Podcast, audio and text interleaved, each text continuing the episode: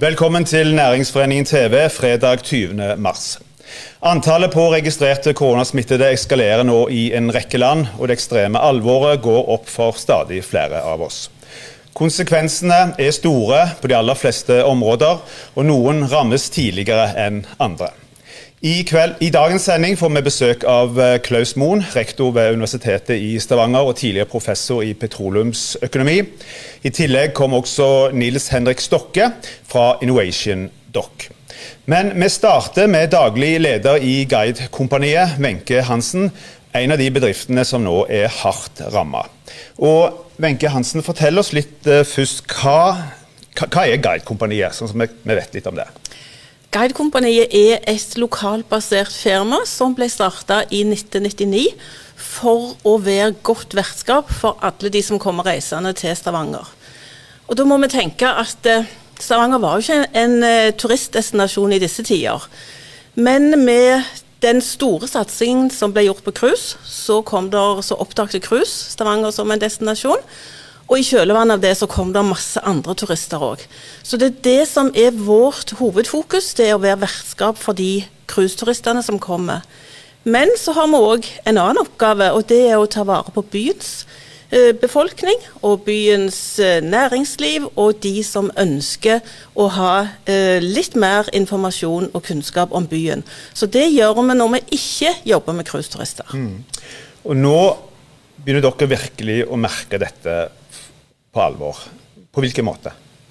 Vi merker det beintøft. Sammen med veldig mange andre så merker vi at uh, det er totalstopp i all aktivitet.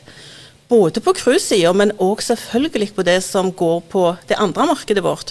Fordi at folk har ikke lenger lov å samles i små grupper og gå på byvandring eller ha noen aktiviteter. Så for oss er det absolutt, absolutt stopp. Eh, vi har eh, umiddelbart permittert tre av våre ansatte. Ei er gått i barselpermisjon, og hun vil heller ikke bli erstatta sånn sånn som vi hadde tenkt. Eh, jeg er fremdeles på jobb og holder hjulene i gang. og den, For å illustrere hvor ille det virkelig er, så er altså min hovedoppgave nå å kansellere alle turer og refundere penger til de som har betalt. Og de er der nå mange av? Veldig mange. Veldig mange. Mm. Så dette, dette, får en stor effekt på mange, mange bedrifter. Du kjenner jo denne, denne bransjen, da tenker jeg tenker på cruisebransjen. Hva, hva, tenker de der ute nå? Hva, hva gjør de?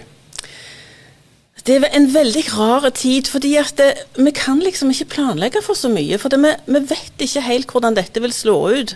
Vi kan jo tenke oss at uh, i løpet av kanskje en måned så er ting på plass igjen i Norge. Kanskje vi åpner grensene våre, kanskje vi åpner hjemmene våre, at vi får lov å gå ut. Men hva gjør de andre landene? Hvordan har de kommet på den tida?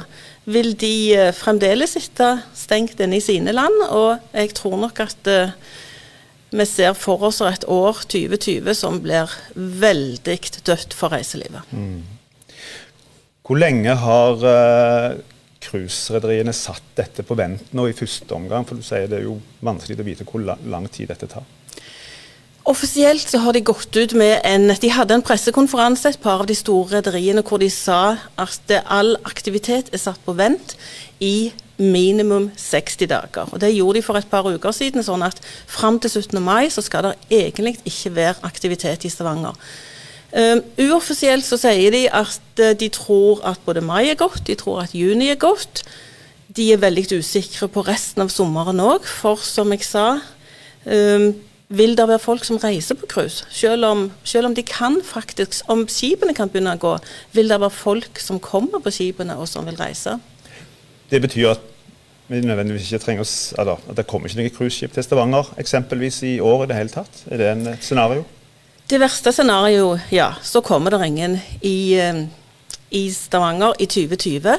Vi vet jo at cruisesesongen, eller hele turistlivet turist, uh, uh, i Norge, er basert på at vi er en sommerdestinasjon. Mm. Så det betyr at uh, det nytter ikke å si at de cruiseskipene eller de turistene som ikke kunne komme i mai, juni og juli, de kan komme tilbake i oktober, november, desember. For det vil ikke være aktuelt. Det kommer ingen da. Mm. Så til, eh, til vi får ny sesong på plass igjen, så er det en veldig stor fare for at det kan bli fullstendig tørt i 2020. Dere driver jo i høy grad innenfor akkurat denne bransjen i forhold til cruisetrafikken. Men, men, hvor mange ellers er det i Stavanger eller i regionen som, som helt eller delvis uh, vil bli ramma av uh, nesten stopp, mer eller mindre stopp, da, uh, gjerne gjennom hele året, i forhold til cruiseanløp? Det er mange mer enn vi tror. Når vi tenker på cruise, er det veldig mange som bare tenker på det som de ser. De tenker på oss som organiserer turene, de tenker på guidene våre. Og vi har altså 100 guider som nå ikke skal ut og jobbe i sommer. Og Det er ganske dramatisk for de. Og de tenker på bussene, og de tenker på båtene som de ser som går rundt omkring. Men altså Stavanger havn skal leve av dette her. Det er en stor inntekt for de. Det er en stor inntekt for Stavanger kommune med skatteinntekter. Vi har Securitas som bemanner alle gater rundt omkring, som òg vil bli hardt rammet av dette. Alle de som leverer varer om bord til cruiseskipene, de som fortøyer båtene. Vi har alle aktivitetsleverandørene, og de er det mange av. alltid. Det er ikke bare de store Rødne og Norled-båtene, men det er små fiskebåter, det er ribbåter.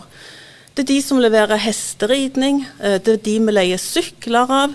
Det er butikker i byen som eh, vi kjøper varer hos. og Suvenirbutikker, torghandlerne. Det er så ufattelig mange som vil bli berørt av dette at uh, det er, er, store skjelvinger ute.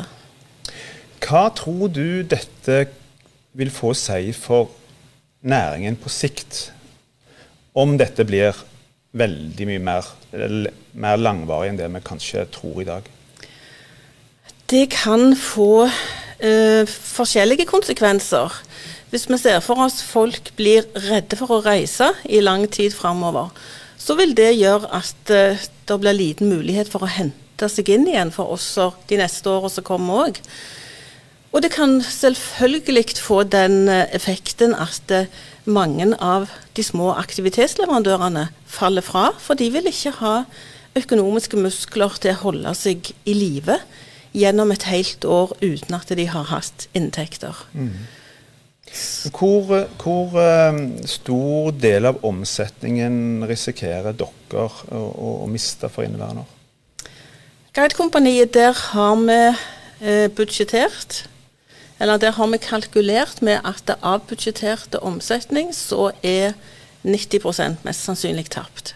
Mm. Og det vil si, vi, vi lever jo av de inntektene som cruise gir oss fra mai og ut september. De inntektene holder oss i gang resten av året og gjør at vi kan være et godt vertskap for byen gjennom resten av eh, i lavsesongen òg. Mm. Så det vil si at når vi skulle nå hente, begynne å hente inn inntekter igjen i mai 2020, så vil det ikke bli noen inntekter denne sommersesongen. Og da kan vi sånn sett eh, mest sannsynlig ikke se fram mot annet enn at vi må vente til mai 2021 igjen. Wenche Hansen, tusen takk for at du kom til oss, og lykke til videre. Skolene har vært stengt i Norge allerede i en uke. Det samme har universitetene. Det gjelder ikke bare hos oss, det gjelder i stadig flere europeiske land.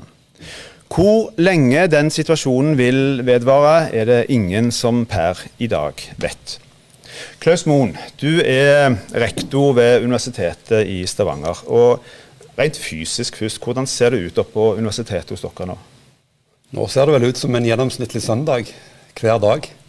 Jeg har hatt to arbeidsdager der oppe med en i toppledelse som er til stede hver dag. Og jeg har hatt to arbeidsdager der oppe nå, og det er rett og slett mm. Eh, evakuert. Hvordan, hva er konsekvensene for, for universitetet? Uh, da er det både institusjonen og for de som, som jobber og studerer der. Hvis vi begynner med institusjonen først, hva er konsekvensene der? Nei, For praktiske formål så har vi jo tømt hele universitetsområdet. Studenter er bedt om å holde seg unna, og ansatte er bedt om å jobbe hjemmefra. Ikke bare bedt, mm. innstendig oppfordra til. For studentene så er campus stengt, og for ansatte så er de lov å ta seg en liten tur for å hente ting, men overhodet ikke arbeid derfra. Så alt arbeid skal nå skje via dette nettverket av hjemmekontorer som vi har oppretta for anledningen. Men studentene får de noen form for undervisning i det hele tatt? Er det litt sånn ulikt fra hvor, hvor du studerer hen, eller si litt om det? Ja, Oppi alt dette så var det jo først den umiddelbare krisehåndteringen og brannslukkingen, og det finner du hva som skjedde i forrige uke. Og så er det å sikre driften ved universitetet. Vi er veldig opptatt av at studentene skal få beholde progresjonen sin, og er dermed i full sving med å legge om til alternative undervisnings- og eksamensformer, sånn at semesteret skal kunne gjennomføres, og at studentene skal bli minst mulig skadelidende for dette. Mm. Når det er sagt, så er det ikke til å underslå at en sånn situasjon som dette må med nødvendighet gå utover kvaliteten på det vi holder på med. Vi kan ikke få til nøyaktig det samme via digitale løsninger som vi får til når vi faktisk kan møtes fysisk. Mm. Men det foregår en imponerende innsats både blant ansatte og studenter for å holde hjulene i gang og for å sikre progresjon og videreutvikling både av studiene og av organisasjonen som sådan. Mm. Går det bra med den digitale undervisningen? Fungerer det teknisk og på, på andre måter? Litt startvansker er det, men uh, helhetsinntrykket mitt er at dette fungerer uh, bedre enn faktisk jeg hadde frykta. Og at uh, det vil gi oss òg en tvungen øvelse i å komme i gang med disse formene, som jo kan være nyttige i andre situasjoner enn den unntakstilstanden vi har akkurat nå. Nå er det jo en stund til, til sommeren, eh, men vi vet jo ingenting om hvor langvarig dette vil bli. Hva, hva, planlegger dere for? Hva scenarioer har dere hvis dette skulle dra seg utover la oss si høsten? Ja, Vi vet jo like lite som alle andre om akkurat dette. og Foreløpig så ser vi fram til 26.3, der regjeringen har uh, tenkt å gjøre en uh, ny gjennomgang. Deretter så er det påskeessens en slags milepæl, og så er det resten av semesteret fra påsken og ut uh, juni, kanskje. Mm.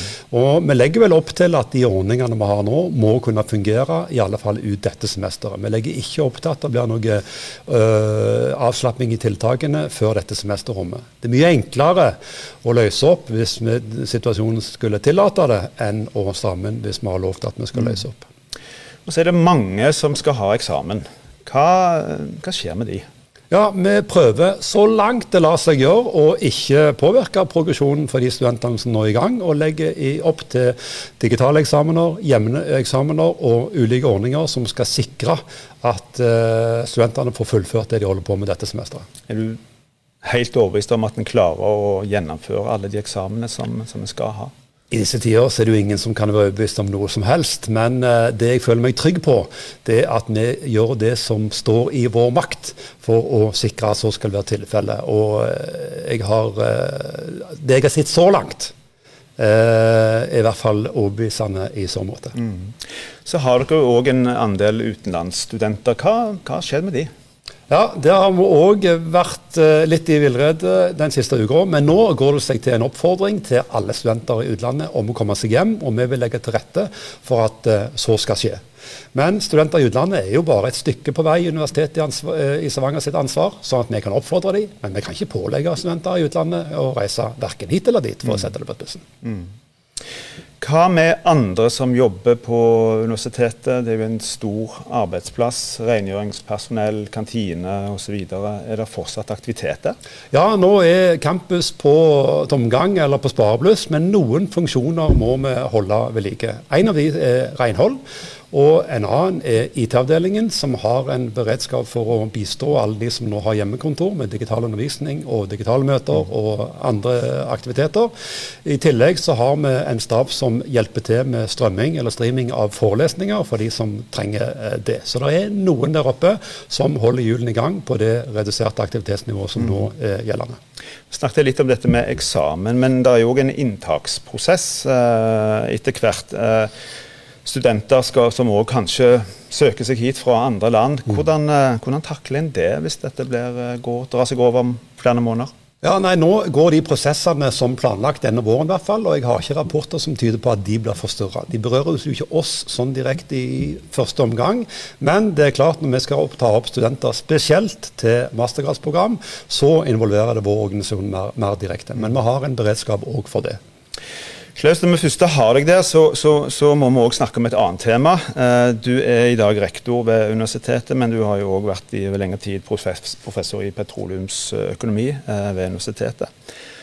Vi må snakke litt om olje og konsekvensene i forhold til dette. Hvorfor, for, hvorfor faller oljeprisen eh, så dramatisk?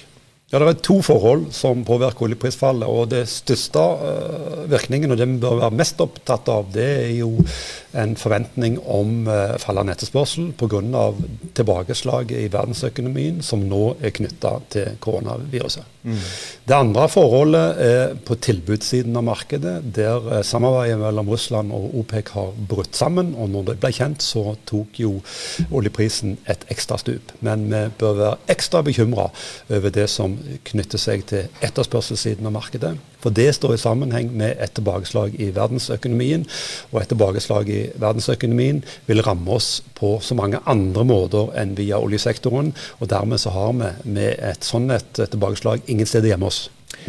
Og da rammes vi i denne regionen enda hardere? Ja, det gjør vi. Vi får uh, det generelle tilbakeslaget i verdensøkonomien i fleisen, og det rammer alle uh, bedrifter som eksporterer til utlandet. I tillegg så forsterkes dette ved at oljeservicenæringen blir eh, rammet spesielt da, av uh, oljeprisfallet, når oljeselskapene struper utgiftspostene sine ytterligere. Mm. Så her er det en double whammy for regionen. Men er det noe er det noe positivt i det hele tatt? Tenker litt i forhold til Valuta eksempelvis. Vil det gi noe utslag på noen som helst måte i tillegg? Ja, altså nå prøver jo myndighetene så godt de kan å kompensere dette, bl.a. med å slippe ned rentene. og Det må vi eh, forvente. I dag er det vel sentralbanken har uh, møte, så et rentefall må vi forvente. Det vil bidra til å stimulere konsum og investeringer i noen grad. Eh, og I tillegg så vil et rentefall forsterke kronekursfallet som vi allerede har sett. Mm. Og Et fall i kronekursen er bra, for det vil isolert sett bidra til bedre konkurranseevnen for norske bedrifter, og dermed kompensere noe av skadevirkningene ved et tilbakeslag i verdensøkonomien.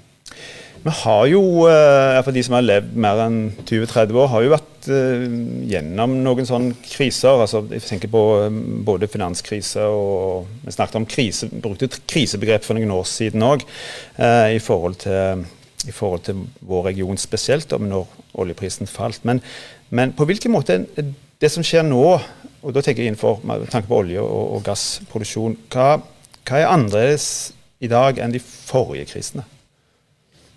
Ja, i dag i oljemarkedet så er det både tilbudssideforhold og etterspørselssideforhold som virker samtidig for å forsterke dette oljeprisfallet. Det er litt annerledes enn tidligere. For uh, under finanskrisen i 2008-2009 så var det stort sett etterspørselsforhold som uh, bidro. Og i 2014-2015 så var det stort sett tilbudssideforhold som bidro. Og her trekker begge, både tilbudssideforhold og etterspørselssideforhold i samme retning. Og det er forsterker virkningen. I tillegg tror jeg de underliggende årsakene nemlig koronakrisen, er en dypere uh, strukturell utfordring enn det vi har hatt tidligere. Så Spørsmålet er, knytter seg nå selvsagt til varigheten av dette tilbakeslaget. Og Min mistanke er at dette ikke går over så fort som f.eks. tilbakeslaget etter finanskrisen i 2008-2009, men det er noen forhold ved denne krisen som setter et støkk både i land og i enkeltmennesker og endrer vår atferd over tid på en måte som gjør at uh, både den økonomiske aktiviteten og etterspørselen etter energi kan bli noe noe dempa i forhold til det vi tidligere har trodd. Ut ifra det du nå sier, og la oss si at du får rett, hvor dramatisk er det? Har vi vært oppe i noe tilsvarende noen gang før? Ja, vanskelig å si foreløpig, for usikkerheten er veldig stor. Det, når vi gikk inn i finanskrisen i 2008-2009, så syntes jo det veldig veldig dramatisk. Og Det som gjorde det mindre dramatisk i ettertid, det var at det snudde så fort, og at det viste seg å være midlertidig. Det som gjenstår å se nå, er om dette er midlertidig eller ikke. Hvis det ikke er midlertidig, så er det noe av det mer dramatiske vår region har stått overfor. Hvis det er midlertidig, så skal vi nok klare å løse det. Hvis vi tror at verden vender tilbake til normal i løpet av høsten f.eks., så skal vi nok klare å løse dette. Hvis vi tviler på det, så er det mer alvorlig. Men er det sånn, når en ser på kurvene, nå går det dramatisk ned eh, eh, på kort tid. Kan vi forvente at det kan gå like fort opp igjen? Ja, Der er vel min spådom uh, like god eller dårlig som de fleste. Historisk så har uh, i hvert fall aksjemarkedene kommet ganske raskt tilbake. Og tidvis har òg oljemarkedet gjort det. Men om det skjer denne gangen i noen grad, så tror jeg det kommer til å gjøre gjør det. For jeg tror at en del av eh, tilbakeslaget nå er drevet av frykt og eh, skal vi si, eh, vegring mot risiko. Og Hvis eh, utsiktene blir litt mer forutsigbare og gjennomsiktige, så tror jeg kanskje at noe av dette kan bedre seg. At vi kan få et løft eh, kortsiktig både i aksjemarkedene og oljemarkedene. Men hvor mye det vil eh, ta inn av det som fallet som vi faktisk har bak oss, det gjenstår å se. Og, og jeg, tror vi, jeg, tror det tar lang tid før vi kommer tilbake til de nivåene vi hadde på aksjemarkeder og oljepriser la oss si for en måned siden. Det tror jeg tar lang tid. Du er jo en av de som òg har etterlyst kanskje en, et hurtigere tempo eh, i omstillingsprosessen. Eh, er det, er det tiden for å snakke om omstilling nå? Ja, det tror jeg eh, absolutt. Når uh, dette er bak oss, så tror jeg vi må tenke annerledes både om det ene og det andre. Bl.a.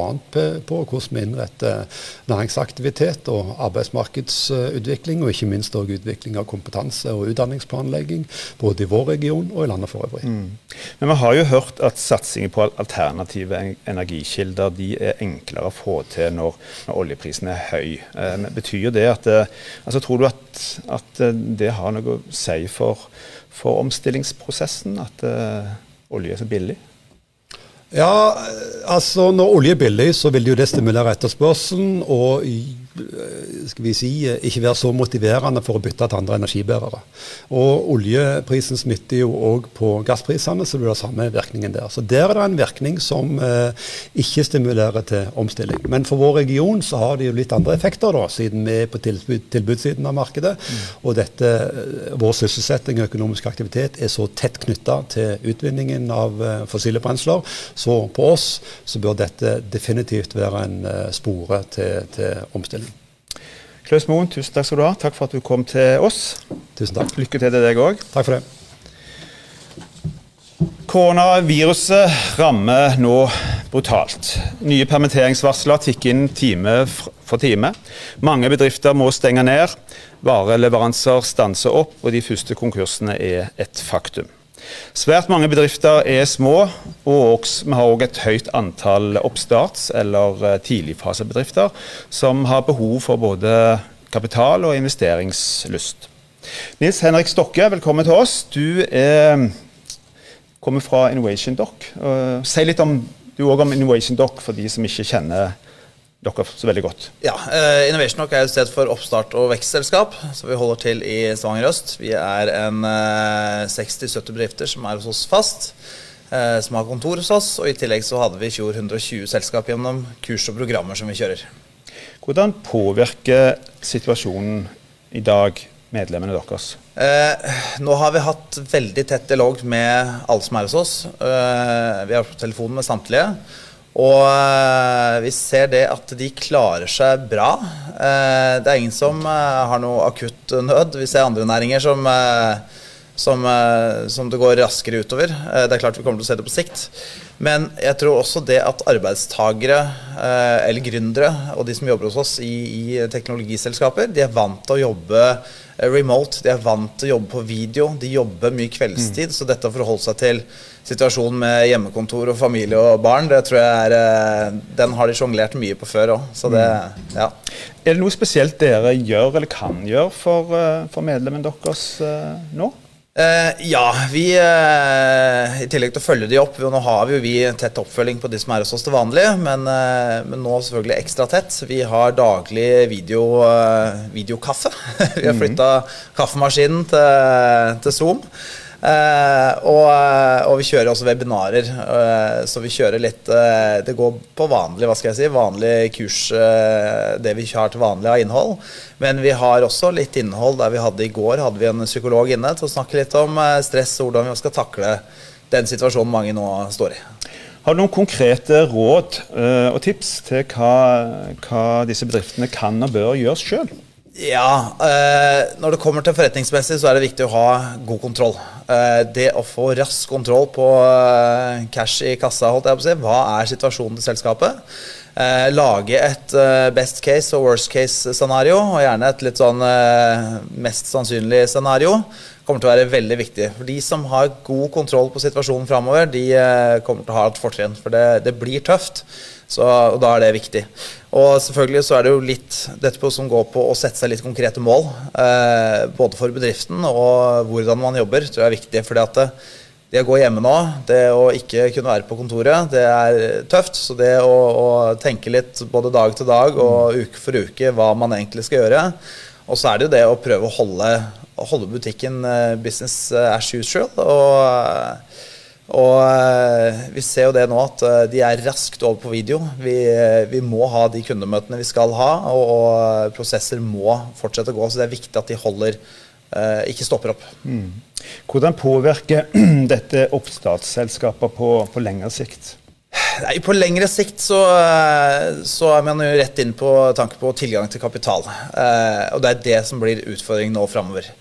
Og Tilgang til kapital er jo alltid det som er den store utfordringen. Eh, det vi kommer til å se nå, er at eh, både investorer og, og banker kommer til å sikre de engasjementene de har. Så det å komme eh, helt i tidlig fase nå og skal ha første investeringsrunde, mm. den tror jeg skal, kan vente lenge. Før har jo det tatt gjerne et halvt år. Nå kan man godt se mye lengre på den prosessen der.